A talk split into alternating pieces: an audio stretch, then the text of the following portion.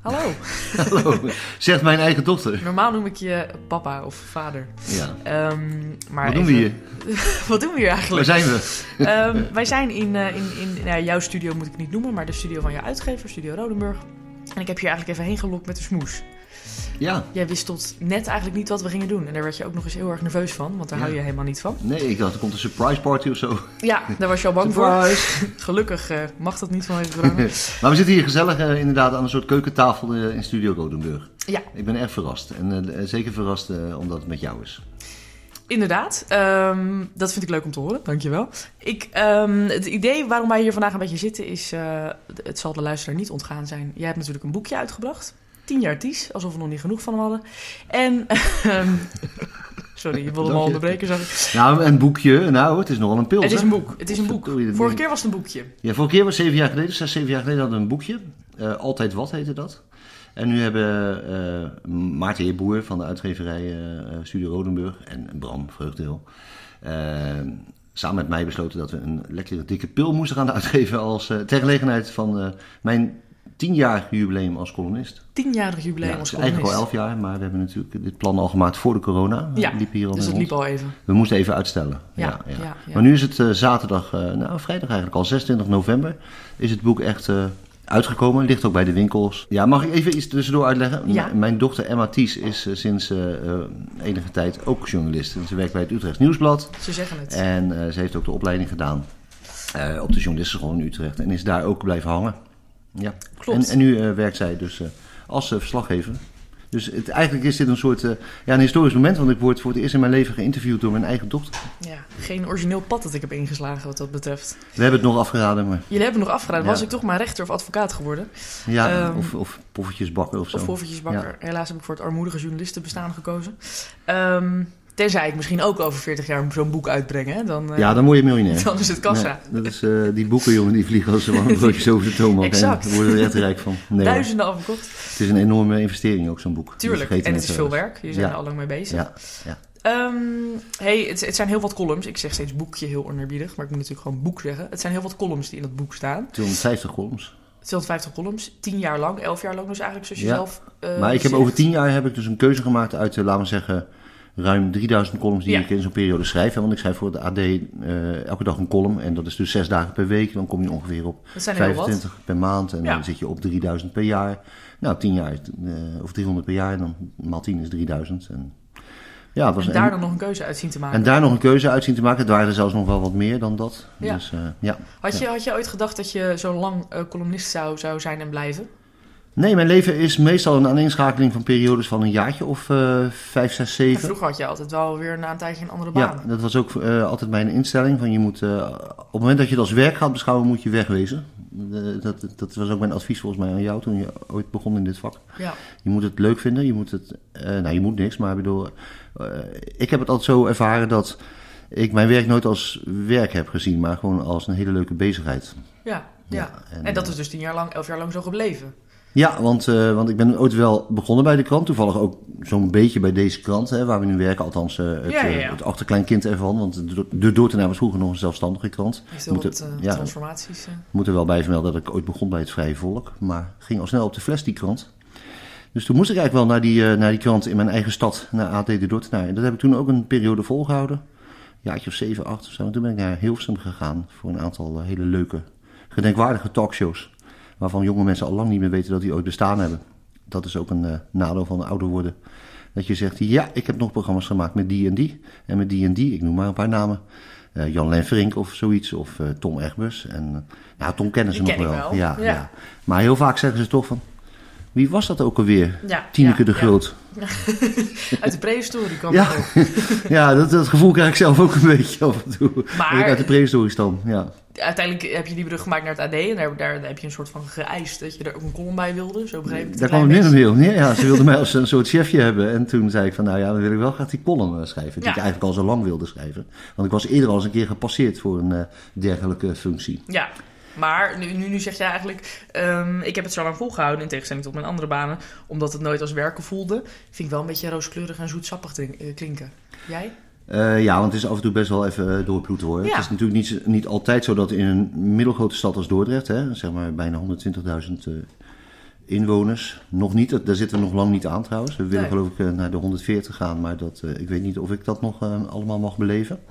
Ehm, maar in zo'n stad is het natuurlijk niet altijd dat het nieuws tegen de plinten aan eh, klotst. Nee. En eh, dat betekent dat je soms ook creatief moet zijn en ook af en toe eens gewoon een lekker tijdloos verhaaltje moet maken. Ik noem het altijd een karmicheltje, maar dat is niet dat ik mijzelf wil vergelijken met de grote Simon Karmichelt, die ook columnist bij een krant was, onder de naam eh, Kronkelaar, dacht ik. Eh, Dat waren kronkels, hè, zo heten zijn columns. Maar ik, eh, eh, ik, ik spiegel me wel. nee, hoe zeg ik dat? Ja, ik wil mezelf. Nee, ik, ik, ik vind mezelf echt nog niet zo goed als hij ooit geweest is. Nee. Zeg maar, toen hij nog leefde. Maar ehm, ik, vind- ik noem het wel kwamikkeltjes, die stukjes, die tijdloze stukjes die ik schrijf. Zeg maar, de ontmoetingen met een zwerver of met Ja. gewoon zomaar iemand in de straat. Die ook leuk zijn voor de mensen die niks met Dort hebben, bij wijze van. Ja, of ze denken, oh ja, die, die zwerver waar hij het nou over heeft met die baard en die zagrijnige blik, die ken ik. Ja, En dan komen mensen ook tot de ontdekking dat er achter elk mens een eh, soms tragisch, maar soms ook dolkomisch eh, verhaal Ja. schuilt. en die mensen heb je overal lopen natuurlijk. Ja, mensen, mensen ehm, lopen vaak eh, langs elkaar heen op straat. En ik heb soms het idee dat het eh, goed is om mensen een stem te geven. Je zei het net eigenlijk al een beetje, het is niet elke dag makkelijk. Ehm, het lijkt mij, of ik denk dat vele mensen het daar wel mee eens zullen zijn, best wel stressvol dat je elke dag weer wat moet bedenken. Natuurlijk is dat op een gegeven moment wel een beetje een, ook een gewoonte, een trucje, een ritueel. ehm, maar er zit toch wel een beetje druk achter, kan ik me voorstellen. Ja, de, de, de kunst daarvan is, maar volgens mij heb ik toen jij ooit in dit vak begon, dat, dat wel eens een keer tegen jou persoonlijk gezegd, maar nu zeg ik het dan in het algemeen. Eh, journalisten, en dus ook columnisten, krijgen altijd te maken met deadlines. Er is altijd een deadline. Die deadline is morgen of overmorgen of over een uur. En de kunst is om in dit vak eh, te leren genieten tussen de deadlines door. Oftewel, je moet nooit eh, naar bed gaan of gaan eten of op de bank gaan zitten met het idee van... oh shit, ik heb nog een deadline, die moet heel snel... Je moet gewoon denken, nou, ik heb nu drie uur de tijd of een dag de tijd om even lekker te relaxen. En, eh, en dat moet je dan ook doen. Dus dan voel je dat sowieso al niet. Ik lig niet s'nachts wakker van het feit dat ik morgenochtend weer een column moet Kan schrijven. ik morgen maar een onderwerp, eh, kan ik morgen wel een onderwerp Ja, vinden? nee, dat, eh, de, eh, hoe zeggen ze dat altijd? Eh, wie dan leeft, wie dan zorgt of zo. Mhm.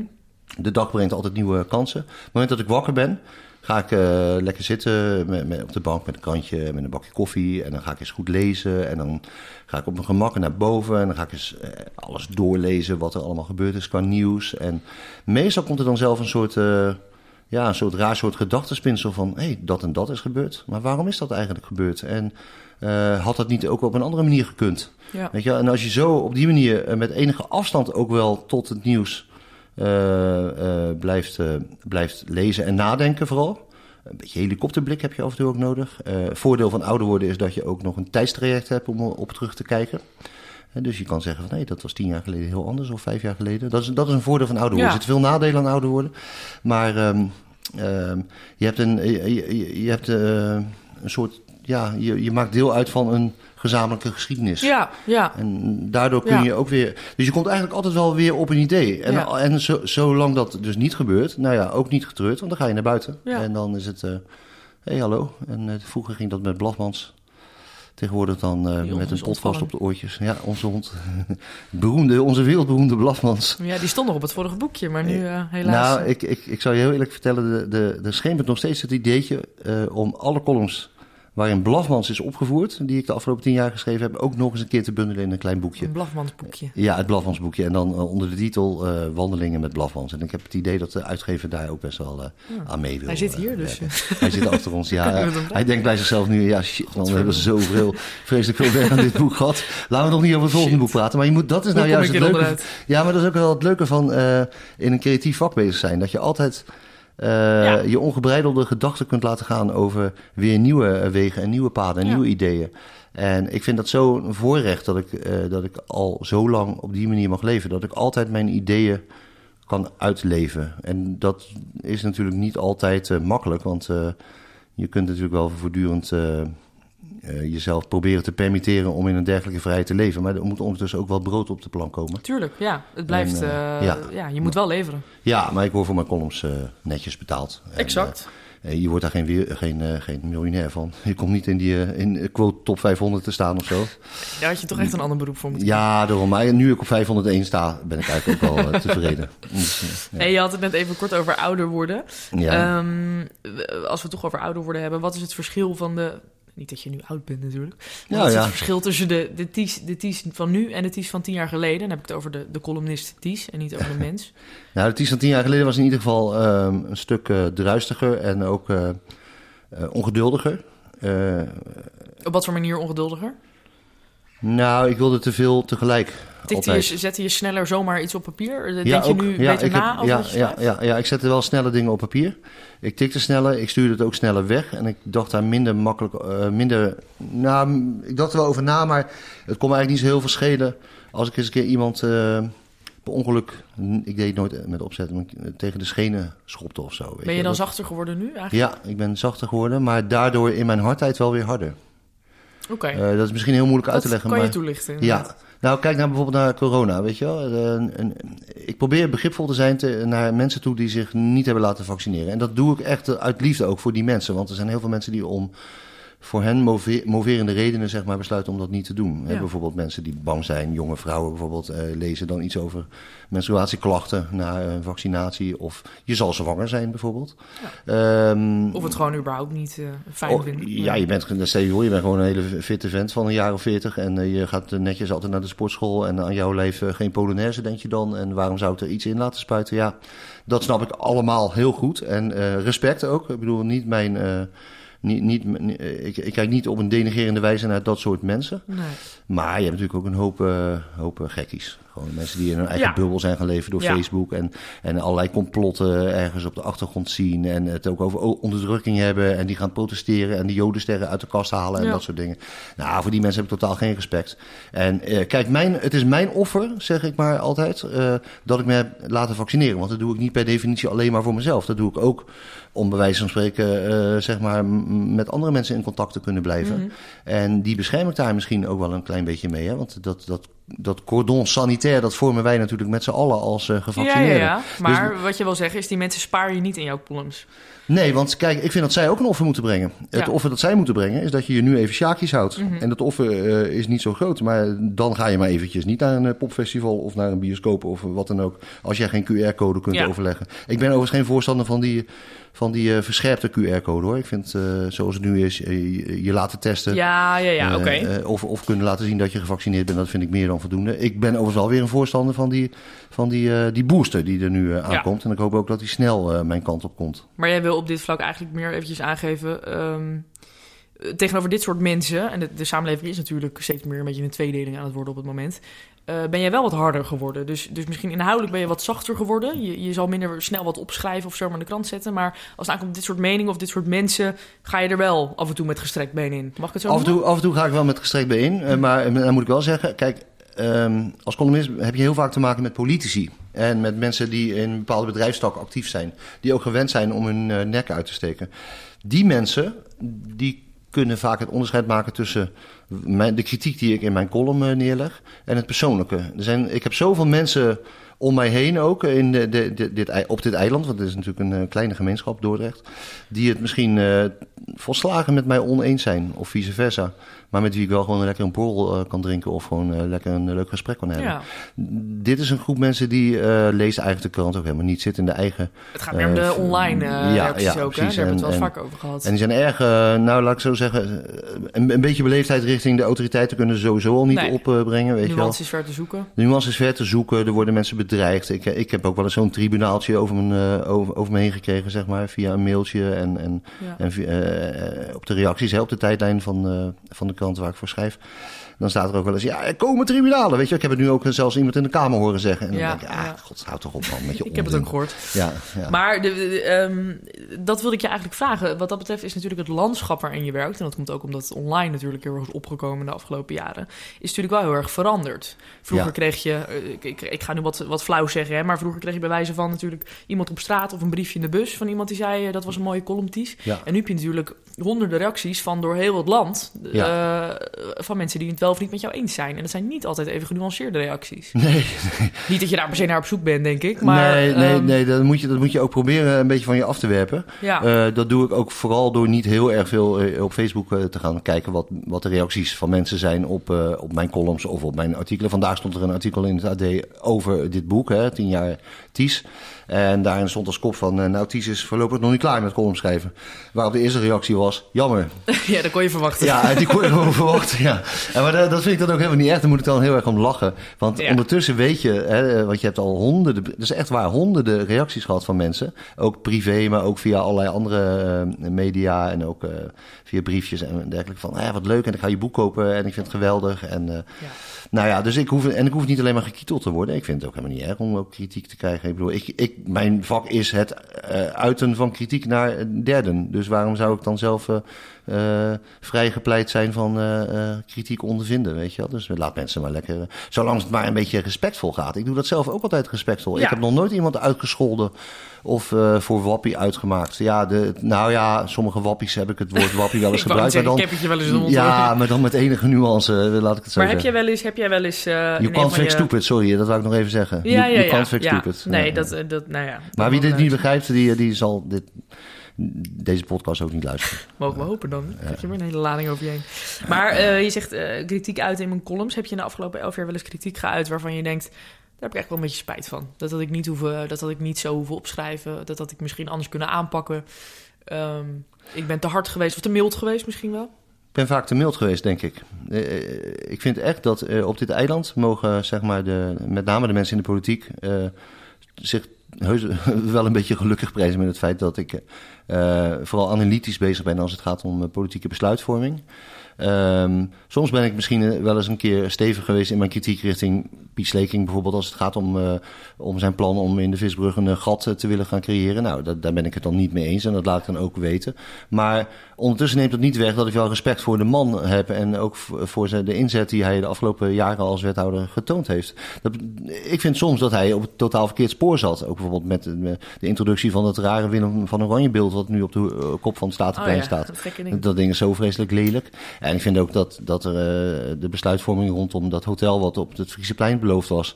Ja, dat, dat, dat, duurt al 10, 11 jaar en er komt maar niks. En dan zou er weer een ander hotel komen in het Lindeshuis. En dat kwam er ook maar niet. Weet je wel, de, de worden best wel fouten gemaakt. Maar ik, ik kan mensen die fouten heus wel persoonlijk vergeven. Daar heb ik helemaal geen moeite mee. Mensen werken hard en doen hun best. En sommigen zijn wat minder geschikt voor de politiek. En sommige mensen. Ja. Nou, niet, daar, daar wil ik niet Piet Sleking mee noemen hoor. Want ik heb Nee, wel degelijk nee, nee. respect voor Piet. Maar, maar terugkomend op de vraag, had je daar minder mild in hoeven zijn, uh, kunnen zijn? Nee, nee, nee. Waar ik een keer misschien te hard in ben geweest is... Um, ik stond erbij tien jaar geleden, toen bij de intocht van Sinterklaas, uh, Quincy Gario en, uh, en Jeffrey. Uh, Aifri heet hij, geloof ik. Ik weet niet precies hoe je zijn achternaam uitspreekt. Mhm. Maar ik wil niet zo flauw doen door nu Airfryer te zeggen. Maar nu heb ik het toch gedaan. Um, maar die stond met zo'n t-shirtje aan van uh, Zwarte Piet is racisme of zoiets. Ik weet het niet meer. Maar ik stond daar echt bij. En een, een, een, een politieagent vroeg hen, hen, om een jasje daaroverheen te doen. Of dat even uit te trekken. Want het was nu met kinderen erbij. En het is misschien niet zo leuk om nu te demonstreren. En zij weigerden dat. En er ontstond daardoor een soort handgemeen. Waar, uh, dat herinner ik me nog wel. Ja, met, ja. Als, met als afloop dat de twee jongens op, uh, op de grond lagen. En uit, uiteindelijk ook zijn afgevoerd. Achteraf gezien is later ook die arrestatie is geloof ik ook als onrechtmatig ja. uh, gezien door een hogere rechter. Maar ik schreef destijds in een column van joh, jongens doe dat nou niet, dat demonstreren, dat Zwarte Piet, dat heeft niks met racisme te maken. De intenties van iedereen hier in het land zijn wat dat betreft echt niet uh, verkeerd, weet je wel. En uh, ik, vind, ik vond het een beetje overtrokken, die kritiek op Zwarte Piet. Nu, tien jaar later, zie je gewoon, hè, omdat je ook wijzer wordt en, en, en, ook meer laat informeren over het leed wat je daarmee kennelijk aanricht. Ja. Dat leed wat ik natuurlijk nooit ondervonden heb als... Uh, witte, man. witte tata, zal ik maar zeggen. Dat, uh, ja. ja, ja, dat, uh, of hoe heet het, ja, hoe noem je zoiets? Maar in ieder geval, ik ben nee, natuurlijk een, een, een, een, middelbare witte man, ja. En, en ik, ik, dus ik heb daar niet zoveel van gemerkt. En ik ben nee. me natuurlijk daarin gaan verdiepen. En, en, dus ik heb ooit wel eens tien jaar geleden geschreven van, ja, verdorie, wat een onzin discussie is dit eigenlijk. En nu, tien jaar later, ben ik het uh, helemaal met die jongens eens. Ja. En ik vind dat zij, uh, mensen als Quincy echt heel veel bereikt hebben. Ik denk dat veel mensen die draai hebben gemaakt natuurlijk. Ja, en, en kijk, um, ik ken natuurlijk mensen met jonge kinderen die uh, nu uh, het Sinterklaasfeest vieren. En die kinderen hebben nooit uh, de, de, laten we zeggen, de klassieke zwarte Piet met de krulletjes en de oorbellen en, en, en het inktzwarte huidje. Dat hebben zij nooit meegemaakt. En je, je merkt nu ook gewoon dat ze daar ook helemaal geen last van hebben, weet je wel. Want zij hebben geen referentiekader. Het zijn de volwassenen die zich niet volwassen kunnen, volwassen kunnen gedragen. Ja, ja. En die het heel erg vinden om uh, soms een punt te moeten zetten achter een, uh, wat zij dan noemen een traditie. Maar een traditie is op zich uh, leuk, maar op het moment dat die traditie niet leuk meer is, moet je ook durven daaraan te tornen. Dat geldt ook voor vuurwerk bijvoorbeeld, weet je wel. Ja. Vuurwerk was vroeger inderdaad met je vader voor de deur staan en een paar vuurpijltjes afschieten en een rotje. En misschien als puber ook nog wel eens een beetje rottigheid uithalen. Dat heb ik ook wel gedaan als ventje. Maar niet met dat hele grote, vreselijke, enge Duitse vuurwerk of dat Poolse vuurwerk wat je tegenwoordig op de markt ziet. De, ik bedoel, de vuurwerkverkoop is nog niet eens gestart en, en vanaf oktober oktober uh, raast het al door de buitenwijken en worden er al dingen kapot gemaakt. En nu met die coronademonstraties wordt het vuurwerk ook als wapen ingezet. Ik vind gewoon dat we een punt mogen zetten achter deze traditie. Ja. Want niet dat ik, ik had het zoveel mensen met jonge kinderen gegund om s'avonds lekker een vuurpijltje voor de deur af te schieten. Maar kennelijk uh, kan dat niet meer in dit land. Nee, dus nee. nokken met die op. Ja. Ja. Maar dit zijn, je noemt nu toevallig wel eventjes een paar dingen. We hebben het eerst over corona, nu over Zwarte Piet en nu over vuurwerk. Ja. Een beetje de hot topics van het moment. Ja, en ook alle drie de topics waarvan um, we toch wel de meeste tweedeling in de samenleving zien. Hè? Ja, ja, maar die tweedeling... Dat lijkt me soms wel moeilijk. Ja, we hadden het er net al even kort over. Maar dat lijkt me best wel moeilijk. Het lijkt soms alsof er geen gesprek meer mogelijk ja, is. ik vind het ook uh, heel triest. Want uh, kijk, vroeger werd de, even een wijntje werd de krant... Uh, ja, lekker, bij, lekker wijntje hebben we. Lekker wijntje hebben. Cato Negro uit Chili. Jij, ja, ik ga ja, wel jou bijschenken, maar dan moet je wel even door. Um, vroeger... Um, Vroeger ja, was alles vroeger beter. was alles beter. Nee, helemaal niet. Maar uh, toen, toen werd er nog niet zo, zo snel Volgens mij komt het, kijk, vroeger mensen die wat te, te, te klagen hadden, of mensen die een beetje aan de, aan, laten we zeggen, aan de, nou ja, een beetje onder de streep in de samenleving zaten. Mensen, laten we zeggen, laaggeletterde mensen, mensen die, die uh, eigenlijk de situatie niet echt heel erg goed begrepen. Of mensen die gewoon puur uh, ook uh, financieel-economisch niet helemaal mee kunnen komen. Ja, die, die werden vroeger in een, in een, in een samenleving met, met wat meer, uh, laten we zeggen, sociaal gerichte partijen, toen er nog niet overal sprake was van marktwerking, werden vaak een beetje geholpen. Hè. De, de, ik, ik, herinner me dat ik op school uh, stickers op mijn tas had zitten met uh, woorden als nivelleren doet begeren en zo. Weet je, dat klinkt misschien heel ouderwets, maar ik vond het eh, wel goed dat, dat we vroeger die groepen die niet heel erg goed mee konden komen, een klein beetje konden helpen. En de echte moppenkonten, ja, die stonden misschien ergens heel vroeger bij de dorpspompen te, te, te jeremiëren, maar tegenwoordig profileren zij zich nogal fanatiek via uh, de sociale media. Om een voorbeeld te noemen, hè, we hadden een stuk in de krant staan over een man die uh, al volgens mij rond de 40 was en die had deelgenomen aan de demonstraties in Rotterdam en dan was die per ongeluk was hij neergeschoten. Oh ja, we hebben het allemaal wel nou, gelezen. Die man uh, die kreeg een, ook van die krant, hè, waar, die, die normaal waarschijnlijk als fake news zou bestempelen, kreeg hij de, ook de aandacht die, mm -hmm. die wat mij betreft ook mag hebben.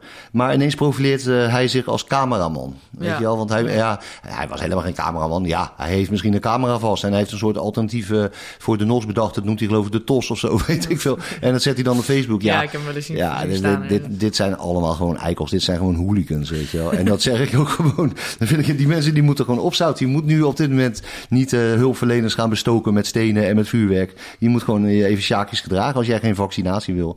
Nou, uh, zet jezelf heel even een klein ja. beetje op een minder hoge sokkel. ja, maar. ja, ja, ja, Hey, um, in de afgelopen elf jaar is er eventjes... We beginnen even aan de, aan de positieve kant. Ja. Is er iets, um, een column die je hebt geschreven... of iets wat jij hebt meegemaakt in je vak als columnist... waarvan je zegt, nou, dat was echt, een, was echt een mooie gebeurtenis... of ik heb echt iets positiefs... Ik heb echt iets teweeg gebracht nu waar ik nog steeds wel eens aan denk.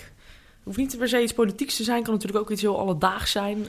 Um... Jawel, er zijn wel, maar het zijn, hele, het zijn hele kleine dingen die voor mij uh, heel veel uh, betekenen. Nou, dat is juist mooi. Uh, ja, bijvoorbeeld, um, ik, ik ga geen namen noemen hoor, maar... Um, ik zeg al, het, lijkt bijna triviaal, maar uh, dierenasiel, zat uh, met twee hondjes opgescheept. En, en die beesten die uh, zochten natuurlijk een nieuw onderkomen. Hele jonge hondjes, maar ze hadden een bepaalde kwaal en die kwaal moest geopereerd worden. En dat kon niet betaald worden, want dat geld heeft Louter Bloemen helemaal niet.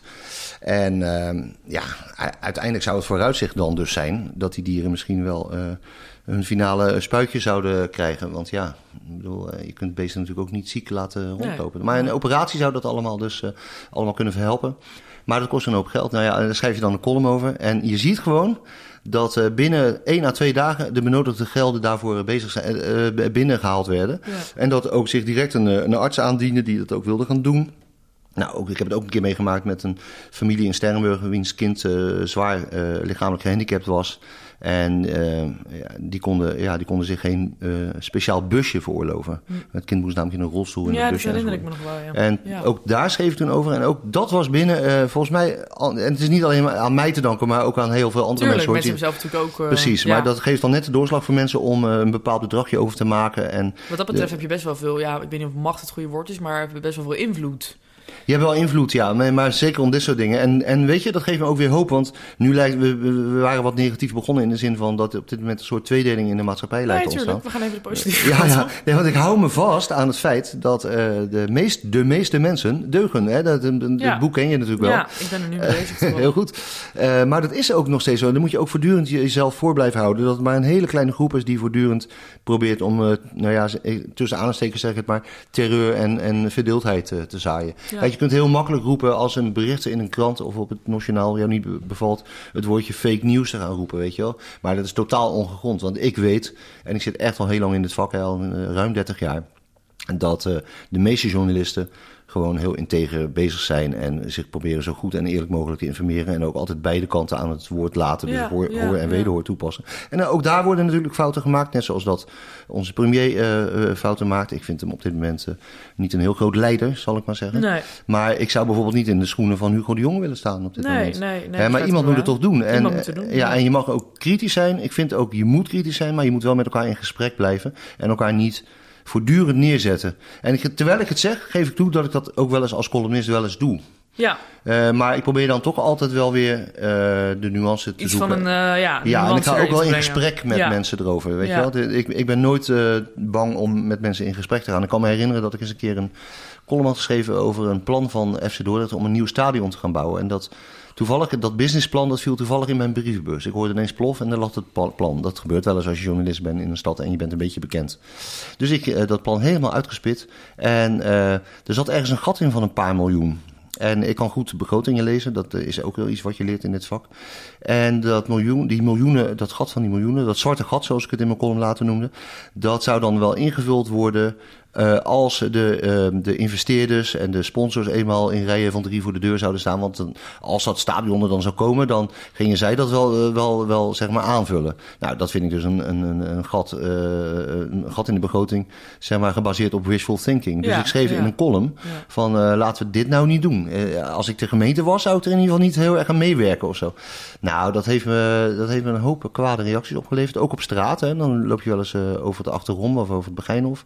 En dan komen er ineens een paar supporters op je af. En die zeggen, hey, wat heb jij nou geflikt? Uh, Ben jij, uh, wil jij de, de club kapot maken? Want zo worden, dat, dat soort dingen worden dan gezegd. Ik ben over het algemeen niet bang, dus ik ga dan het gesprek wel aan. En als je dan uitlegt, dan uh, krijg je dan meestal nog een arm over je schouder. En weet je, wel, dus dat valt wel mee. Vaak als het bij paaltje komt, is er uh, best wel een gesprek mogelijk. Of schrikken mensen toch misschien een beetje dat je wel het gesprek wil aangaan. Dat je, daar schrikken ze van. Als Ja. je, zeker als je, ja, als je gewoon heel open daarin staat en mensen ook gewoon eh, eh, daarin eh, tegemoet eh, treedt. En dat doe ik ook altijd wel. Nou, en toen eh, zou er een, eh, de- er kwam een demonstratie van, eh, van FC Dordrecht aanhangers. Waarvan ik me ook afvraag of dat de echte aanhangers waren. Of gewoon misschien ook wel een zootje eh, mensen die het ook wel weer leuk vonden om lekker met z'n allen de straat op Er zou een petitie worden aangeboden op het stadhuis aan de toenmalige burgemeester Brok. En uiteindelijk hebben ze dat omgedraaid. Weet je, het begon geloof ik nu op het stadhuis en het eindigde op, het, op, het, de Komendijk bij het stadion. En, eh, maar ze zouden dus in ieder geval even een tochtje door de stad gaan maken. En het was eh, de burgemeester waarschijnlijk via zijn bronnen ter oor gekomen dat zij ook nog even wat huisjes zouden aandoen van een aantal mensen in de stad, waaronder een, twee wethouders en de columnist van deze krant. Mijn persoontje dus.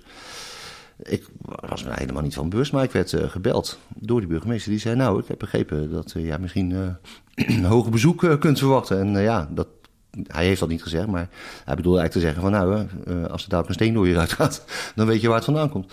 Maar, zei hij, ik heb hier een peloton ME'ers om de hoek staan. En eh, ik geef je een telefoonnummer, je hoeft maar één eh, belletje te plegen. Als je in de knel komt, dan, eh, dan zorg ik dat die ME'ers eh, zeg maar straks eh, jouw huis eh, beschermen.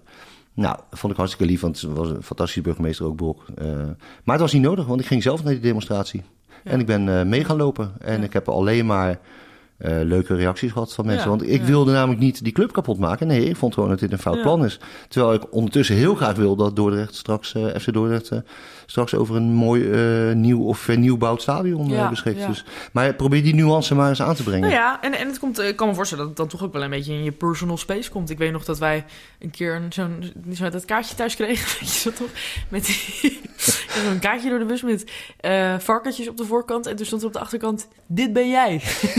dat weet ik nog. Ja. Kijk, iets, iets gezelliger voorbeeld. Maar dat ik toen best wel, ik was toen denk ik negen of tien of zo, nou misschien iets ouder. Dat ik best wel een beetje dacht van, nou, eh, hoe komen die mensen aan ons adres? En, eh, Ja, en wat, een boze, wat een boos kaartje. En dat gaat natuurlijk nog wel eens verder. En je moet eens weten hoeveel van die kaartjes ik voor jullie verborgen heb gehouden. Ja, nee, dat geloof ik graag. Ja. Maar, maar ik bedoel meer te zeggen, als je dan uiteindelijk het gesprek aangaat, dan is het natuurlijk vaak, is het allemaal, het is veel minder geschreeuw dan het lijkt natuurlijk.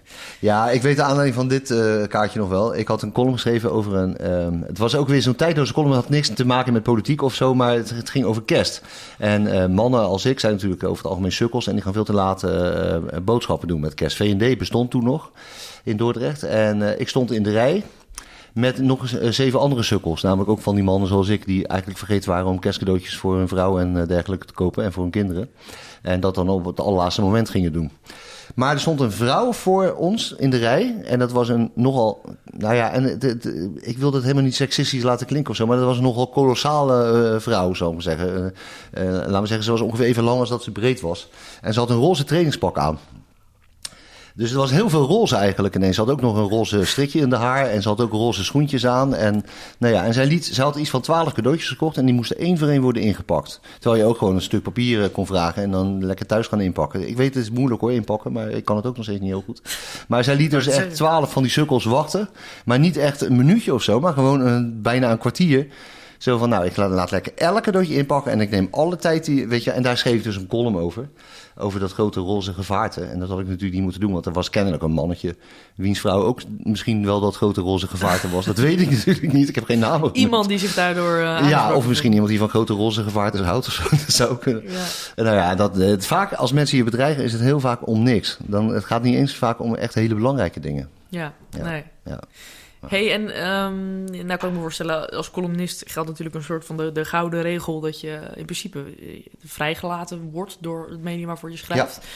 Ehm, beetje flauw misschien, maar, maar heb je in al die elf jaren wel eens gehoord... Hé Kees, misschien moet je dit niet doen. Of eh, Kees, had je dat nou wel moeten doen? En dan bedoel ik niet op zo'n manier dat, je, ze- dat ze je willen censureren of zo... maar meer op Hmm. zo'n manier van een, een advies of, of voor je eigen veiligheid... of ehm, voor Nee. het imago van de krant. Nee, nog nooit gebeurd. Echt, echt nog nooit gebeurd. Nee, nee, dat, dat, dat, dat lijkt me een- een goed teken. Ja, wat ik me wel kan herinneren is dat we twee eh, mensen hadden destijds die uit de fractie van Beter voor Dort stapten. Toen, toen zij er net in zaten, heel kort.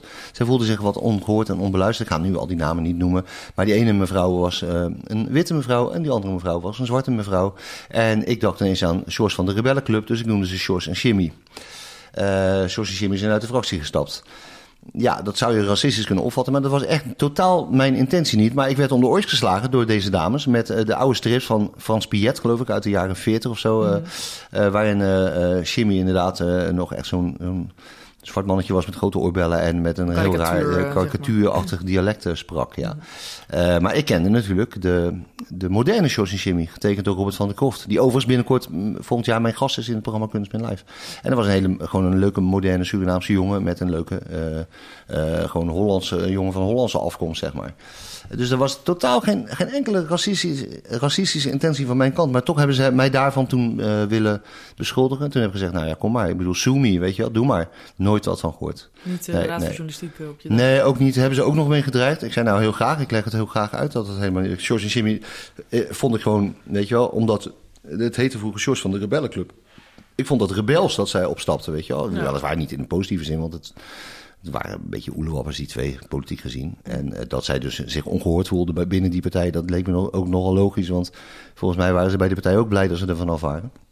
Maar ja, in een partij die net begint, zoals Beter voor destijds, probeer maar eens de juiste mensen te vinden. En je ziet het nu Piet er niet meer is, is die partij ook weer als een soort eh, ja, los zand eh, uit elkaar Ja. gevallen. En heeft er weer iemand een nieuwe fractie opgericht. En die gaan straks ook weer een, eh, een, een gooi doen naar de prijzen tij- tijdens de komende gemeenteraadsverkiezingen in maart. Maar, En, maar ja. even terug naar je George en Jimmy vergelijking. Lijkt me misschien toch een, ehm, een vergelijking die je anno 2021 iets minder snel zou opschrijven. Absoluut waar. De, de, dit is een, natuurlijk een tijd van uh, tussen aanhalingstekens woke. Je moet voortdurend opletten wat je zegt. Mhm. Ehm, je maakt niet gauw meer grappen over vrouwen, eh, ras, schoonmoeders, weet ik veel. Het is allemaal, eh, het is allemaal wat gevaarlijker, zeg maar. Want je moet tegenwoordig... eh, Je hoort cabaretiers willen zeggen, je mag niks meer tegenwoordig. Ja. Vind jij dat makkelijk gezegd of ben je daar wel mee eens? Daar ben ik het dan mee eens. En ik, ik, ik probeer daar ook wel een beetje tegen te gaan. Ik vind het, eh, nu, nu, nu ben ik juist aan dat woke een beetje aan het tornen, weet je wel, voortdurend. Van kijken van, het gaat vaak natuurlijk toch ook om, om, om de humor, weet je wel. En een samenleving zonder humor, daar wil ik eh, niet zoveel mee te maken hebben. Dus ik vind het eigenlijk wel leuk als je ook af en toe is gewoon net even over die grens eh, eh, moet gaan. Als je maar weet dat het vanuit respect of zo is. En, en niet, ik bedoel, het, het is heel fout als mensen eh, op feestjes moppen vertellen over mensen van een eh, andere afkomst of zo. Wiens, wiens wiegje in Turkije stond of in Syrië of eh, grappen over vluchtelingen of wat dan ook. Dat, dat vind ik ook wel fout. Maar je kunt best wel eens, eh, vanuit respect kun je best wel eens een grap maken over iemands eh, afkomst of geloof of zo. Maar als, als je daar bij de persoon maar recht in de ogen kunt kijken. En eh, dat je uitgangspunt is dat je ook samen echt eh, met elkaar verder wil. Ja, ja. Ja. Hoe, ehm, hoe graag wilde jij als, als jong Keesje al columnist worden? Nou, dat wilde ik al vrij lang. Nou, ik wilde natuurlijk als, vanaf mijn twaalfde jaar wilde ik journalist worden. En hoe dat nou kwam, eh, vraag me niet. Er was een soort tv-serie op tv, maar eh, dat was de voorloper van wat later Lou Grant werd, geloof ik. En dat ging over eh, journalisten die allerlei spannende dingen meemaken, die bijna een soort detective-achtig waren. Maar toen was ik natuurlijk nog naïef en ik was kind. Eh, vervolgens deed ik mee aan een soort prijsvraag bij, voor een krant in Rotterdam. En dan weet ik niet meer of dat nou de Haveloos was of het Zuiden, want wij woonden in Rotterdam vroeger. ja. En dat, het moest gaan over de oorlog. En het mocht geloof ik 500 woorden hebben of zo. Dus ik weet het niet meer. en Hoogvliet ik, was, eh, was... in Hoogvliet woonde ik toen, ja, ja. En wij hadden thuis een typemachine. Echt zo'n ouderwetse typemachine. Want tekstverwerkers en zo had je allemaal nog niet. Of hoe heet dat? eh, laptops en pc's en zo. Dat bestond allemaal niet. Dus ik ging tikken op een velletje. En ik had een heel mooi, mooi opstel over de oorlog geschreven. En wat gebeurt er nou? Alle middelbare scholieren hadden daar zo'n beetje aan meegedaan van een bepaalde jaargang. En ik had gewonnen. Dus mijn stukje kwam in de krant met mijn naam erboven. En ik, ik kreeg geloof ik een boekenbon van, eh, weet ik wel, 15 gulden of zo. In die tijd was guldens nog, hè? 25 gulden, weet ik niet meer. Maar ik was zo trots. Dat, dat geld kon me helemaal niet schelen. Ik heb daar natuurlijk strips van gekocht. Maar ik zag vooral mijn naam in de krant staan. Ik denk, yeah, weet je wel, dat wil ik. Dit wordt het. Dit wordt het. En zo ging eigenlijk alles vanzelf. Want toen ik naar de middelbare school ging, in Dordrecht dus... toen heb ik mijn vakkenpakket ook afgestemd op de journalistenschool. En toen ik op journalistenschool zat... eh, eh, fixeerde ik mij vooral op het krantenvak. Want ik, televisie en radio, dat, was toen nog, dat leek toen nog heel ver weg allemaal. Ja, ja. Eh, dat vak kon je wel volgen bij ons. En ik heb die vakken ook wel min of meer gevolgd. Maar Maar, ben je later toch ingerold? ja, ja, en het gekke is dat, dat ik bij de televisie terecht ben gekomen... vanwege het feit dat ze bij een televisieprogramma iemand nodig hadden... die uit de krantenwereld kwam. Ja, ja. Dat programma heette Stop de Pers, even voor de uitleg. Het werd gepresenteerd door Tom Egbers, een mediaprogramma. Dus ze zochten vanuit elke discipline zochten ze iemand en ik kwam uit die krantenhoek. Eh, maar toen ben ik het vak gaan ontdekken. En, eh, Maar hoe kwam je toen bij dat columnisten stukje terecht? Dat, dat is toch weer een andere slag. Ja, dat komt altijd veel later natuurlijk, Bas. In het begin ben je al blij dat je iets begrijpt en dat je er een stuk over kan schrijven. Eh, dus dan doe je een verslag maken van een gebeurtenis. Dan ga je allerlei disciplines in dat vak ga je natuurlijk bewandelen. Bijvoorbeeld een sfeerverslag. Dat is weer natuurlijk iets anders dan gewoon een, een, ehm, een, een rechtlijnig verslag van een artikel, een artikel. Ja. Ik kan me nog herinneren dat ik via een, een van de eh, collega later eh, van het eh, AD in de Hoekse Waard mijn eerste opdrachtje kreeg. Dat was doe verslag van de jaarlijkse, jaarlijkse markt. Dat was een soort herfstmarkt heette dat, in Strijen, in Hoekse Waard Oh ja. En ik werd daar naartoe gestuurd. Nou, er was van alles gaande met standjes en allerlei mensen die allerlei acts opvoerden. En, en ja, het was een beetje het traditionele gebeuren van strijden, denk ik. En we hadden volgens mij daar in de buurt ook nog een, ehm, een eh, kantoortje in Oud-Beijerland of zo. Nou ja, in ieder geval, ik had een enorm verhaal geschreven met veel toeters en bellen. En het, eh, de zon stond hoog aan eh, de hemel. En, eh, nou ja, en de wolkjes en dit en dat. En nou ja, anyway, het was een prachtig verhaal. Iets van eh 400, 500 woorden. En ik zag het een dag later in de krant staan. 100 woorden. Al mijn, al mijn bijwoorden waren geschrapt. En Ja, uiteindelijk waren ja. alleen, was er alleen maar de feitelijke gebeurtenis. Er was herfstmarkt in strijden. Het was een eh, succesvolle gebeurtenis. Er waren 300, stroopwafels eten. 3000 mensen. Ja. En de stroopwafels waren fantastisch. Zoiets, ja. Nou ja, toen heb ik het eh, ehm, geleerd dat je dat pas moet gaan doen op het moment dat je al bedreven bent in het vak. Dus je moet eerst jezelf scholen in het normaal opschrijven van dingen. En dan ga je steeds meer ga je, eh, je eigen ruimte pakken om misschien ook hier en daar wat, wat sferische elementen in een artikel aan te brengen. En op een gegeven moment word je natuurlijk ook een ouderwetse... oh nee, hoe zit, nee, ik zeg het verkeerd. Op een gegeven moment word je natuurlijk een beetje eh, ga je een eigen mening vormen over dingen. Omdat je ook altijd meedraait. Omdat je meedraait, omdat je het, eh, het circus eh, kent. Of zoals ik altijd zeg, omdat je het rondje al een paar keer gedraaid hebt. Het rondje van verkiezingen en het rondje van... weet je wel, eh, want het vak journalistiek is natuurlijk ook een perpetuum mobile van zichzelf repeterende gebeurtenissen. Weet je wel. Er is altijd weer een presidentsverkiezing, er is altijd weer een nieuwe gemeenteraad, er is altijd wel een begroting, er is altijd wel een WK voetbal. Weet je wel, alles komt altijd terug. Tuurlijk, ja. Dus op een gegeven moment denk je, zonder dat je nou dat gevoel krijgt van... eh I've seen it, I've been there, I've got a t-shirt. Dat moet je even proberen weg te laten, want dan eh, verlies je je, je authenticiteit. Ja, dan dat moet je, wel weer een nieuwe invalshoek, toch? Precies, maar dan, dan wil je natuurlijk je, je leven verder, je journalistieke carrière verder invullen. Door misschien ook af en toe eens je eigen mening op dingen los te laten. Omdat je het al een paar keer gezien hebt. En misschien ook wel eh, het, eh, in ieder geval het idee hebt dat jij eh, ook wel weet wat er dan misschien wel moet gebeuren. En dan komt de eigenwijze columnist boven. En dat gebeurde ergens in nou, het begin van eh 2000 zo'n beetje. Toen ik ook voor. Een lokaal weekblad. Ik werkte op dat moment inmiddels niet meer in, eh, bij, in Hilversum, maar eh, ik, ik was PR-man geworden bij het Dordrechts Museum. Dat had overigens alles te maken met het feit dat jullie eh, zo'n beetje toen klein waren en ik het leuk vond Mm. om veel thuis te zijn. Om de hoek wonen. Om de hoek, ja. En, en, en toen schreef ik dus één keer in de maand, geloof ik was het, of misschien nog wel, duurde het nog wel langer, dus één keer in de zes weken, een column voor de Stem van Dordt met veel te veel woorden, veel te lang. En, maar ik heb me daar toen wel in dat vak een beetje bekwaamd. En Ja. toen ik uiteindelijk in, ik dacht er zo tegen 2010 dus een beetje bij die Dordtenaren weer terugkwam. Hè. Eigenlijk een beetje dat van Gaal gevoel, hè, terug op het oude nest. De cirkel is rond. Mhm. Toen heb ik eh, als eis neergelegd van, eh, ik zou heel graag een dagelijkse column willen maken. Ja. En, ehm, en, en door het te doen word je er natuurlijk gewoon beter in. Ik bedoel, als je elke dag brood bakt, dan, dan weet je heus wel eh, hoe het morgen moet. je Over wel. elf jaar meesterbakker. Ja, nou ja, dan word je op een gegeven Nou, ik, ik wil mezelf niet als meestercolumnist beschouwen, maar ik vind het toch nog steeds wel leuk om nu ook in het, binnen dat vak van die 319 woorden eh, eh, ook af en toe eens een ander pad te bewandelen. Dus door eens gewoon te kijken van hoe kan ik nou eens een keer beginnen in plaats van met altijd maar met hetzelfde soort zinnetjes. Ja. En het is hartstikke leuk om gewoon eens een keer eh, iets uit te testen. En dan hoor ik wel eens van iemand die dat dan veel leest. Nou ja, jouw moeder, hè, mijn vrouw, is natuurlijk eindredacteur bij de krant. Die kijkt kritisch naar mijn columns. Maar ik heb natuurlijk ook een aantal van die vaste mensen om me heen. Niet, niet letterlijk om me heen, maar die, die, die zeg maar, mijn columns eh, zeg maar, met, met meer dan gemiddelde aandacht volgen. En die me dan direct ook reageren. En die zeggen van, wat is er met jou aan de hand? Heb je zwaar getafeld gisteravond of zo? Of, ja. of, eh, of voel je je niet helemaal lekker of zo? Die Dat dat je dit gewoon door de regels heen lezen eigenlijk. Die lezen dat door de regels heen, ja. Ja. En, en dat vind ik ook wel leuk, want dan ga je over nadenken. Maar, maar, tegenovergestelde kan natuurlijk ook dat mensen denken van... God, dat was leuk. Ja. En dan denk je, oh, dan moet ik nog eens een keer proberen. Maar het leukste is natuurlijk om niet alles,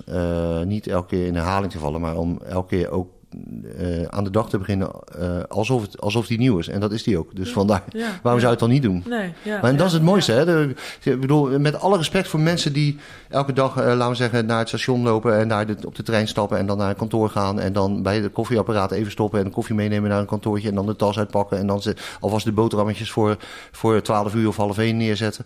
Prachtig hoor, er zijn ook mensen die, daar, die dat fantastisch vinden. Maar ik kan dat niet. Ik moet elke dag beginnen alsof ik eh, net geboren ben. Hm. Dus Zo voelt het, dat meen ik echt. Ja, ja. En er zit ook wel eens een eh, mindere dag tussen. Dat Ja. hebben we allemaal natuurlijk. Maar ehm, Is, is, is, eh, is dit boek wat dat betreft een soort van kroon op je werk? Of zie je ja. het niet echt? ja, zo zie ik het wel. Hoewel ik het toch nog hoop nog, een, eh, nog, nog wel een keer tien jaar te mogen doen. Ik Ja. vind het helemaal niet erg om, als ik dat nog een tijd eh, moet doen. Misschien ga je op een gegeven moment wat minder schrijven of zo. eh, Als, het, als je eenmaal de, de pensioengerechtigde leeftijd bereikt hebt of zo. Maar ik zou het niet erg vinden om dit tot, tot mijn 75 of tot mijn 80 Ja, te dat wil ik blijven je vragen. Wil je, wil je sterven in het harnas? Nou ja, kijk, sterven wil niemand echt. Ehm, Bij wijze van. Nou ja, maar ehm, ja, nee, ik zou, ik, ik- er zijn wel wat columnisten geweest in het verleden die tot, ehm, tot, tot op hoge leeftijd eh, eh, bleven schrijven. Eh, of niet alleen columns, maar ook mensen die boekjes bleven schrijven. Ik kan niet al die namen nou noemen, maar eh, ik zou dat best wel heel erg lang vol willen houden. Maar er kan ook een dag komen dat ik ineens iets anders ga doen. Ik, ik maak nu natuurlijk ook, zoals je weet, af en toe zo'n theaterprogramma, zo'n theatertalkshow, een kunstmin. Ik ben op, op dit moment ook op tournee met The Wanderers, voor, voor, en met wie we ook een soort theaterprogramma hebben over Ja. de early, early life of Elvis. En ik moet zeggen, dat, dat is toch ook wel weer een leuk zijpad. Wat mijn columnistendom mij gebracht heeft. De vrijheid die ik heb kan ik omzetten Ja. in creativiteit. En die creativiteit, eh, ja, daar geniet ik, eh, eh, of die probeer ik weer om te zetten in daden, laat ik het zo zeggen. En, en daar geniet ik weer met volle teugen van. Want er is niks leukers dan met een groepje mensen naar een theater te gaan, daar iets heel moois te doen voor een publiek. En dan weer met een voldaan gevoel naar huis te gaan. Ja, ja, Ja. je kan eigenlijk van alle walletjes een beetje eten in je Heerlijk. staan. En dat is ook altijd wat ik gewild heb. Ja. Eh, Wat dat betreft zit je goed. Ja, ja ik, ik, ik, vind zo, ik vind het nu leuk dat we een boek hebben uitgegeven. Dat is weer Ja. een hele andere discipline. We zitten nu een podcast te maken. Nou, ik heb natuurlijk met, eh, de, met de jongens van Studio Rodenburg al een tiendelige podcast gemaakt. Een wandelpodcast getiteld eh, Het Bewoonde Eiland. Eh, daar gaan we ook weer volgend seizoen eh, mee verder, eh, dus in het nieuwe jaar. Ehm, nou, dan heb je dat gedaan. Ik heb sowieso in mijn leven radio mogen maken. Ik heb televisie mogen maken. Ik mag nu schrijven en ik mag het theater in. Jeetje, ik bedoel, ik voel me toch een, echt een left? ge- gezegende mens. Ja, what's left, ja. Een sportcarrière Ja, misschien left is sterven in het harnas, hè? Ja. Want hoe, even afsluitend nog even, even, even terug naar je boek nu. Ja. Ehm, hoe zou je dat boek beschrijven? Eh, misschien zit er wel iemand te luisteren die eh, uit Groningen komt. Ik bedoel, je weet het niet, hè? You never know. Is het eigenlijk ook een beetje leuk leesbaar voor mensen die helemaal niet uit onze regio komen? Of zeg je, nou, laat het Ja, maar wel. liggen bij de boekhandel? Nee hoor, nee, nee, nee. nee. Ehm, nou, nou had ik, twee, eh, ik had twee soorten boeken kunnen maken. Ik had, een boek, ik had alle tijdloze columns eruit kunnen liften. Alle eh, gesprekken met mensen eh, op straat, ehm, eh, met zwervers of met politiemensen of met iemand die boos is op de wereld of wat dan ook. Daar had ik een heel mooi boek van kunnen maken met exact dezelfde hoeveelheid columns. Dan was hij volledig tijdloos geweest en dan was hij ook volledig plaatsloos geweest. Want die, de, kijk, die mensen die ik natuurlijk spreek, die vertellen dingen die natuurlijk behoorlijk universeel zijn. Tuurlijk. Het kan- Maar, sommige ja. verhalen kunnen zich ook in Zwolle afspelen. ik noem maar Ja, wat. ja. En dus, dus, dus voor die mensen zou het leuk zijn om het, eh, die dan eens Zwolle le- lezen, die zouden net zo makkelijk dat boek kunnen kopen dan mensen die in Dordrecht wonen. Maar ik ben nou eenmaal de, de columnist van AD de Dordtenaar. En ik ben bewoner van dit eiland en ik ben bewoner van deze regio, de Drechtsteden. Maar in overleg met de uitgever hebben we besloten om, een, ehm, om eh, in het boek vooral eh, ook columns te zetten die erg tijd- en plaatsgebonden zijn. Ja. A, omdat ik nou eenmaal eh, columnist ben van een krant die AD de Dordtenaar heet. Dus ik ben schrijver over en bewoner van eh, de stad Dordrecht en, gebied, en het gebied daaromheen. Ja. Ehm, daar ben ik die krant ook dankbaar voor. En ik vind dus ook dat je dat ook moet eh, weergeven in jouw columns. Hè? Die liefde voor die Ja. stad en voor die streek.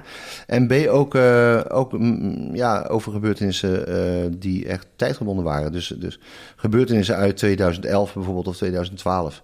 Die staan er ook in. En dat geeft de lezer het gevoel van... oh ja, dat was toen eigenlijk min of meer het gesprek van de dag.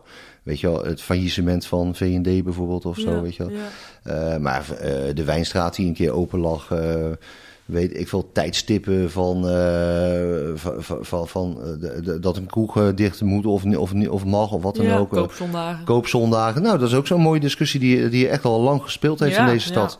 Dus volgens mij vinden mensen dat juist leuk. Echte Dordtenaren vin- vinden, ehm, en dat- nou, ik wil niet opscheppen hoor, maar vinden mijn columns leuk omdat ik eh, voor hun niet alleen een gezicht van die krant ben, een, een, echt een, een smoel. Dus ze kunnen zich identificeren met een mede Dordtenaar. Maar ook omdat ik ook af en toe refereer aan dingen die in het verleden gebeurd zijn. Dat heeft natuurlijk weer met die leeftijd te maken. En volgens mij eh, ben je daardoor wel een soort klantenbindetje voor je krant. En als ik dat mag zijn, nou ja, nou, ja, dat vind ik eigenlijk wel een hele mooie eretitel. Dus ik zou willen zeggen, Dordtenaren en regiogenoten die luisteren weten wat ze te doen staat. Kijk, deze voorzet eh, van jou, die kop ik natuurlijk met liefde in. Eh, het boek kopen, want het is echt de moeite waard. Het is een heel mooi boek geworden, een dikke pil. Het is niet zomaar een boekje, zeg maar. Daar begonnen we mee. Het is echt een lekkere dikke pil en heel mooi verzorgd en prachtig drukwerk, mooi vormgegeven. Goed, zeg maar, geredigeerd ook. Er zitten echt... er staan geen fouten in, zal ik maar zeggen. Waar En halen die, we die ik heus wel eens maak. Eh, waar halen we dat? Je kunt hem kopen bij eh, alle Duitse boekwinkels. Dus bij, eh, bij Dekkers, bij De Bengel en bij Vossen van der Leer bijvoorbeeld. Ook in Zwijndrecht ligt hij inmiddels. We gaan ervoor zorgen dat ook in Sliedrecht en Harningsveld en Ambacht... dat daar, eh, ik noem maar een paar zijstraten, dat ze daar ook komen te liggen. Maar er is ook altijd de website www.tienjaarties.nl en dan eh 10 geschreven als cijfers en ties met T-H-I-E-S. www.tienjaarties.nl en als je dan daarop klikt, dan, eh, dan komt het allemaal vanzelf goed. Dan komt het allemaal wel goed. Ja. Nou, dan wens ik jou een behouden vaart. Een behouden vaart, ja. Nou ja, in Dordt is dat wel een mooie opmerking. Dat vind ik want, toch een eh, mooie afsluiting. Ja, zeker. Voor Dordtse begrippen. Dankjewel. En ik vond het mooi dat ik door, eh, voor het eerst in mijn leven door mijn eigen dochter Eigen geïnterviewd vlees en bloed geïnterviewd ben. Heerlijk. Het had En je was, toch, je was toch best wel streng. Ja, ja, ik Ja. dacht ik laat je er gewoon niet makkelijk afkomen. Al die poeslieve vraagjes al de tijd, daar, eh, nee, daar heb ik niks mee. Nou, weet je wel, zullen we dat wijnglas eh, nog even vol... eh, Oh ja, nou, ik heb, ik heb wel even genoeg. Als vader vind ik het tweede wel- glas. ja, Jij, ja, ik moet natuurlijk met bedenkelijke blik naar mijn dochter, mijn volwassen dochter kijken, die natuurlijk aan het tweede glas wijn zit. Kijk, zo gaat dat. Ik drink hem eruit tegenwoordig. Ja, Daarmee sluiten we deze podcast af, denk ik. ik denk het ook. Proost.